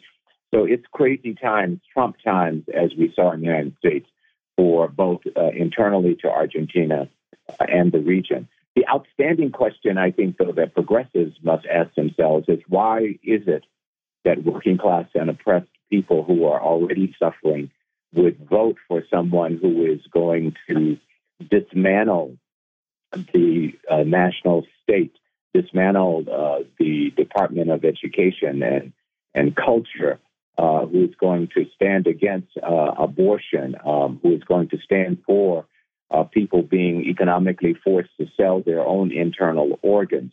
What is it about these uh, center left governments, these social democracy governments, that continue to disappoint uh, the population such they would turn paradoxically against themselves and vote for Milei, or in the case of the emerging situation in the United States that I just heard you talk about, perhaps vote for uh, Donald Trump.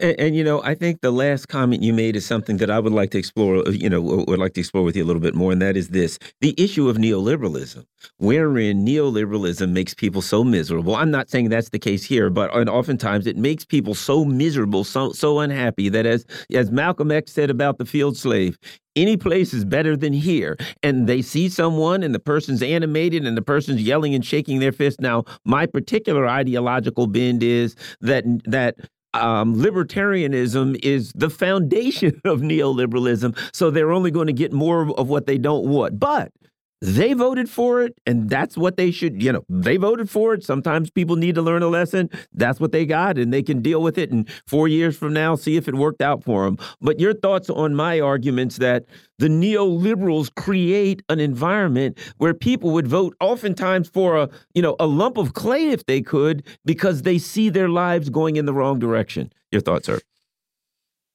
Uh, I'm in total agreement with you. I think it reflects the uh, many, many decades, if not centuries, of uh, cultural socialization, official perspectives of elite classes, uh, saying that uh, capitalism is uh, the best system, um, and really socializing people to feel that the indicators that suggest that the upper class is doing well somehow is a benefit uh, to us. It's the opposite of that when the master uh, catches a cold, we get pneumonia. In this case, it is thought that when the master or the upper classes are reaping uh, money hand over fist, somehow we should feel good about that, notwithstanding the fact that our stomachs are empty and emptier, and the workplace is being restricted for us to get access. Uh, with the paradoxical perspective that, for example, in the case of the United States, that we must lower worker wages in order to lower inflation. I mean, how contra uh, intuitive is that?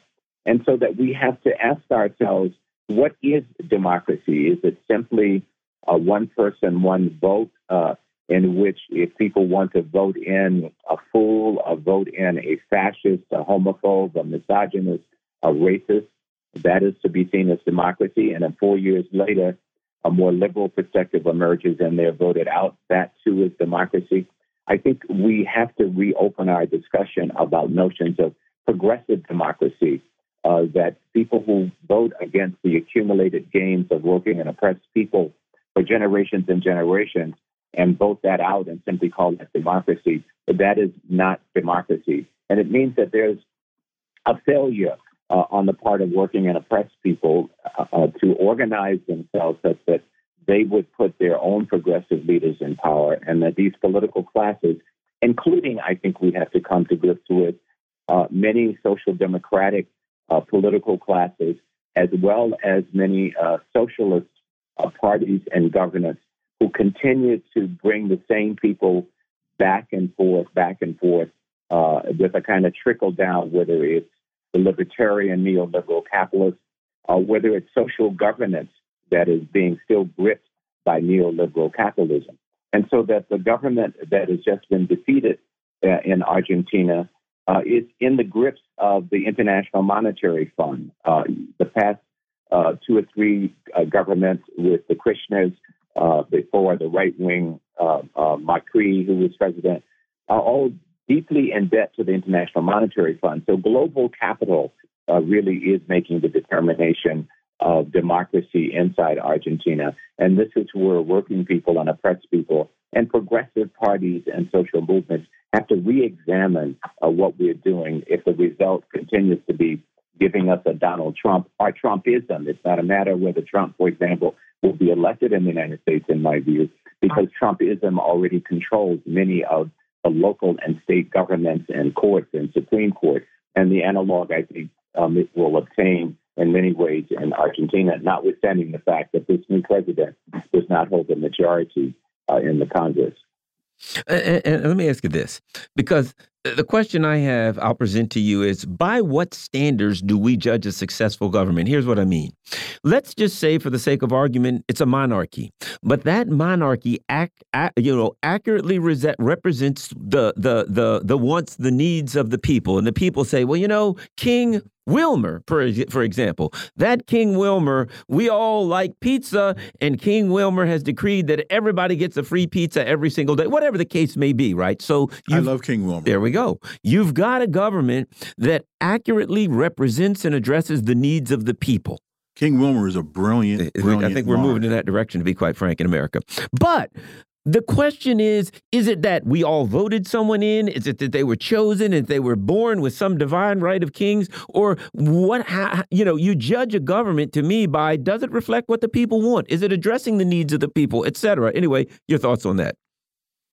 I think that is one measure to develop it, but I think a more fundamental measure that we don't have good examples for the most part of is if we break open the term, break down the term democracy, the demos, the ordinary people the kratia, the power of ordinary people, self governance, power of, by, and for the people.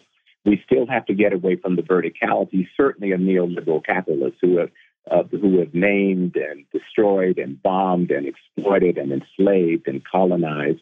But we also have to get away from the verticality of social democracy and socialist governments that are not staffed by the people, so issues of cooperatives and things of that sort at large scale, I think is the next breakthrough stage in really qualifying a progressive democracy rather than just the abstract term democracy. One person, one vote. If the majority votes in the good people, fine. If they vote them out four years some later, fine. We're preserving democracy. I think it is a farce by any measurement of the quality of life of the majority of working and oppressed people in Argentina and whatever other nation, including in the United States. And we're faced with this now that somehow Biden is the lesser of two evils uh, when we don't have voting rights.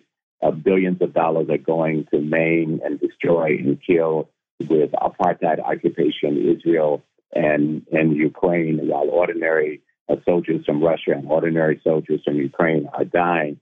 Uh, this is a failed orientation about democracy, and progressives and leftist socialists in particular have to come with the grips of the limitation of our own constructs and why people are in this sort of mood of swinging back and forth between uh, a, a, progressive, sort of neoliberal grip uh, socialist government, a social democratic government, in the case of Brazil, and a right wing authoritarian government of what has just happened in Argentina. Really quickly, we have just about two minutes left. They call uh, this new president uh, Milei El Loco, the, the his critics, the, the madman.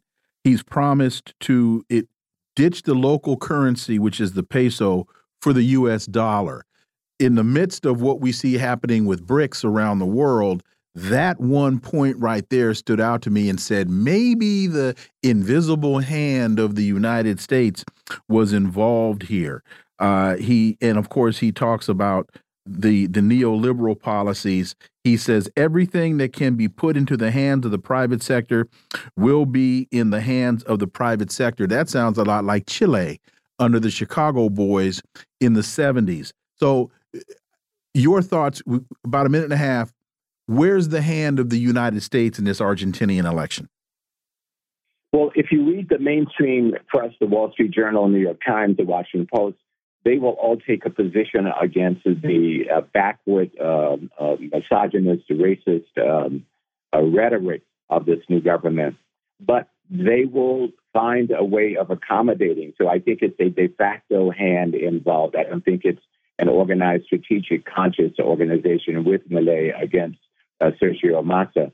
But they will accept that uh, against the uh, China uh, becoming the dominant international investment uh, partner in Latin America.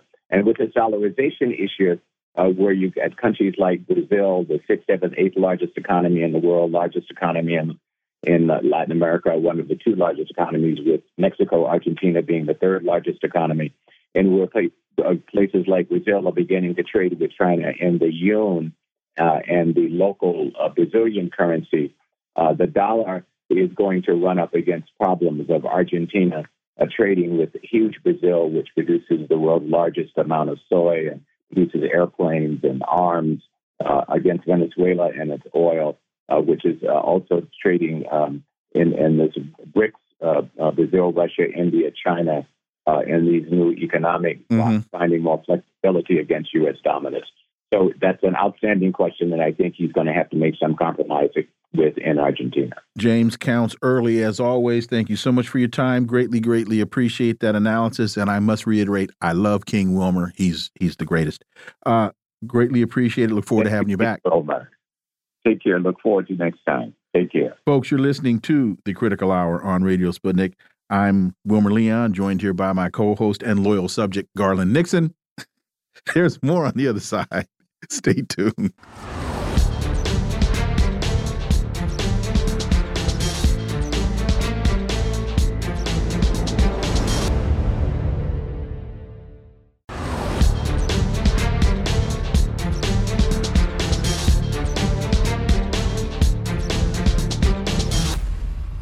We are back, and you're listening to the Critical Hour on Radio Sputnik. I'm Wilmer Leon, joined here by my co host, Garland Nixon. Thank you, Wilmer. Consortium News has a piece entitled The Two State Solution's Nuclear Option.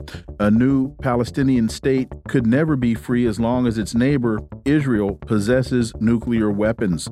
For insight into this, let's turn to our next guest. He's a former U.S. Marine Corps intelligence officer who served in the former Soviet Union implementing arms control treaties in the Persian Gulf during Operation Desert Storm and in Iraq overseeing the disarmament of WMD. His most recent book is Disarmament in the Time of Perestroika, and he's the author of this piece. Scott Ritter, as always, Scott, welcome back.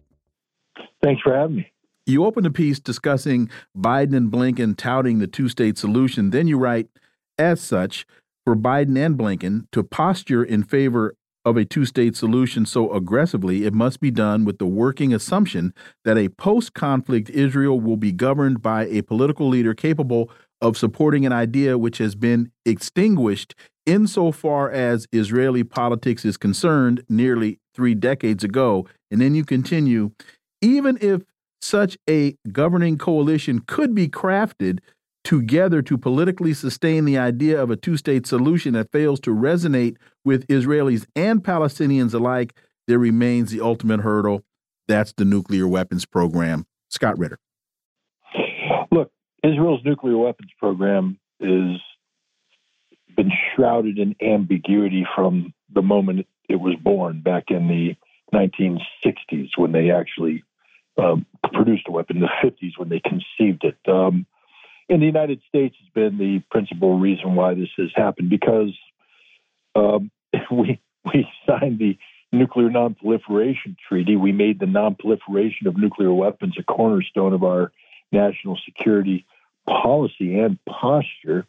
And um, the Nixon administration was confronted with the fact that Israel had nuclear weapons. We knew it, and um, they were in violation of the Nuclear Nonproliferation Treaty because even if they didn't sign the treaty, we signed the treaty, and the treaty only allows five declared nuclear powers. Uh, so we would have to sanction Israel, do you know, do go down the path that politically it was impossible for any president to do. So we came up with ambiguity, and the ambiguity is that Israel has the weapons, doesn't acknowledge it. Um, and they Israel pledges not to be the first to introduce weapons into the Middle East. But that introduction comes with a caveat because introduction doesn't mean possess; it means acknowledge. Very strange, stupid, hypocritical policy. But we did it because Israel had the perception of being surrounded by enemies.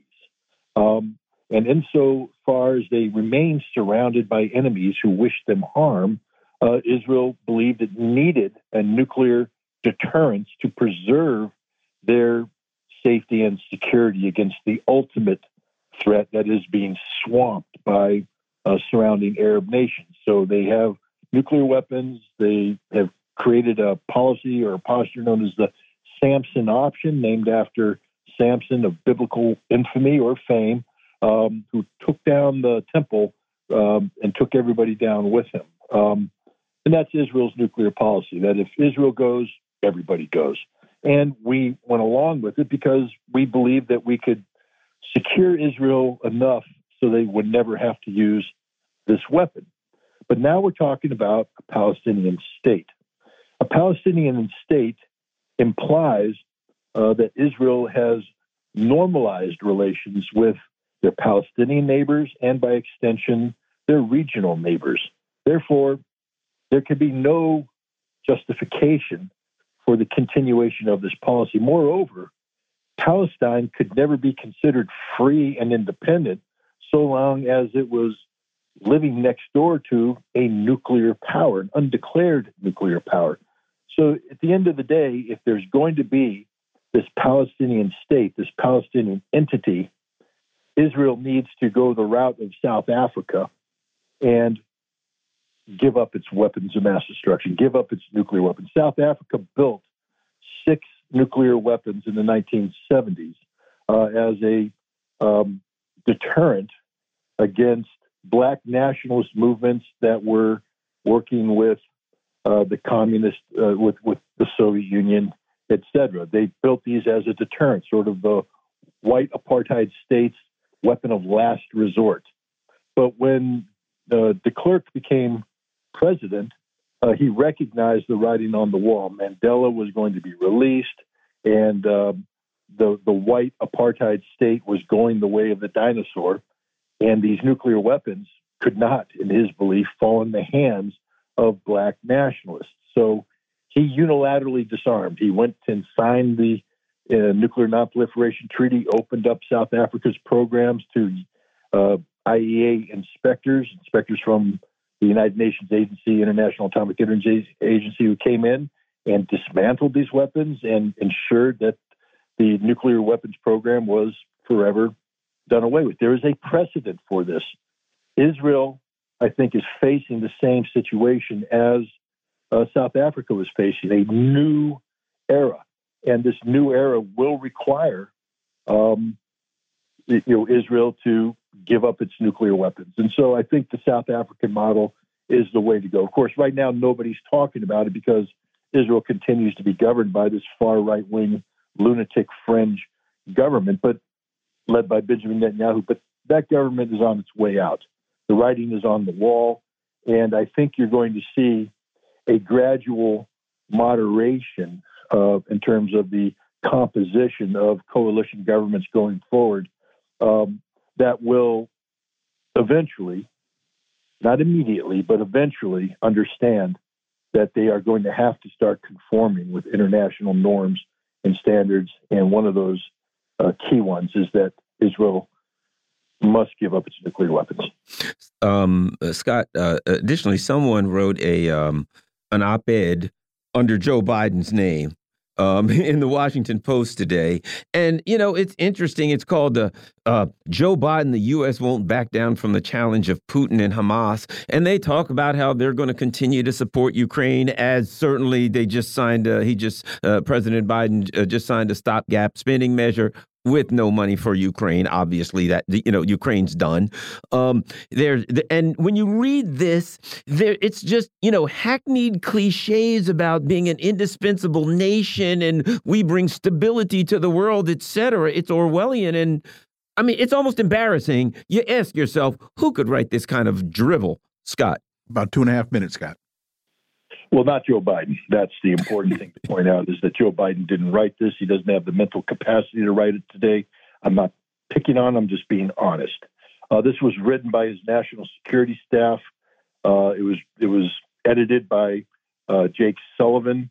Uh, I believe Tony Blinken came in with a lot of stuff, but this was a collaborative effort by the people who are managing Joe Biden. This is the story, not the content of the op-ed. The story is that Joe Biden, the President of the United States, is lacking in such mental capacity that the presidency is being managed by people who weren't elected to do that job. And that's what people should be worried about. And to that point, the positions that are uh, taken in this document, again, as Garland said, they're just they're cliche. That, but this is what's being sold to the American public through its mainstream media. No, I, I, there's no doubt about that. But the beauty of today is that there is alternative media out there that is getting more traction and more attention than the mainstream. So when Joe Biden or his managers publish an op ed of this nature, it no longer has the same cachet, the same impact that it would have 10 years ago.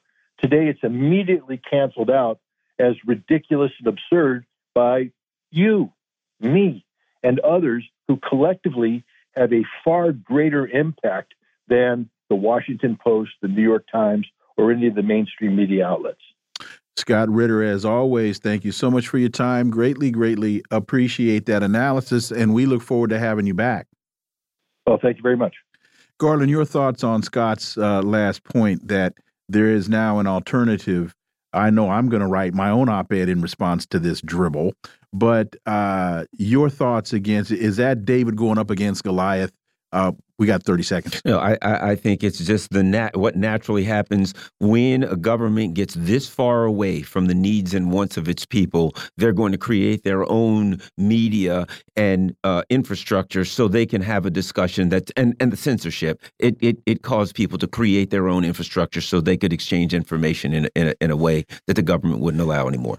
Folks, you've been listening to the Critical Hour here on Radio Sputnik. Thank you for allowing our voices into your space. On behalf of myself and my co host, Garland Nixon, we hope you were informed and enlightened, and we look forward to talking with you all right here tomorrow on Radio Sputnik. Be safe. Peace and blessings. We're out.